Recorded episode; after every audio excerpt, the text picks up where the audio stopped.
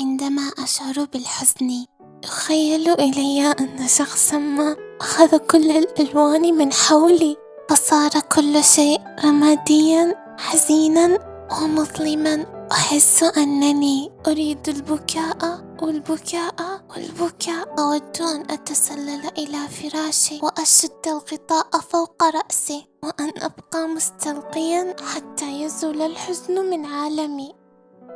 عندما يموت شخص أو حيوان أشعر بحزن كبير لكن أحيانا يكفيني أن أكون مع أهلي لأشعر بحال أفضل حتى لو لم أتحدث معهم فيما يزعجني.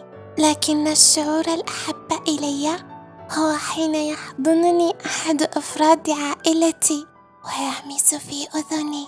لا تقلق كل شيء سيكون على ما يرام.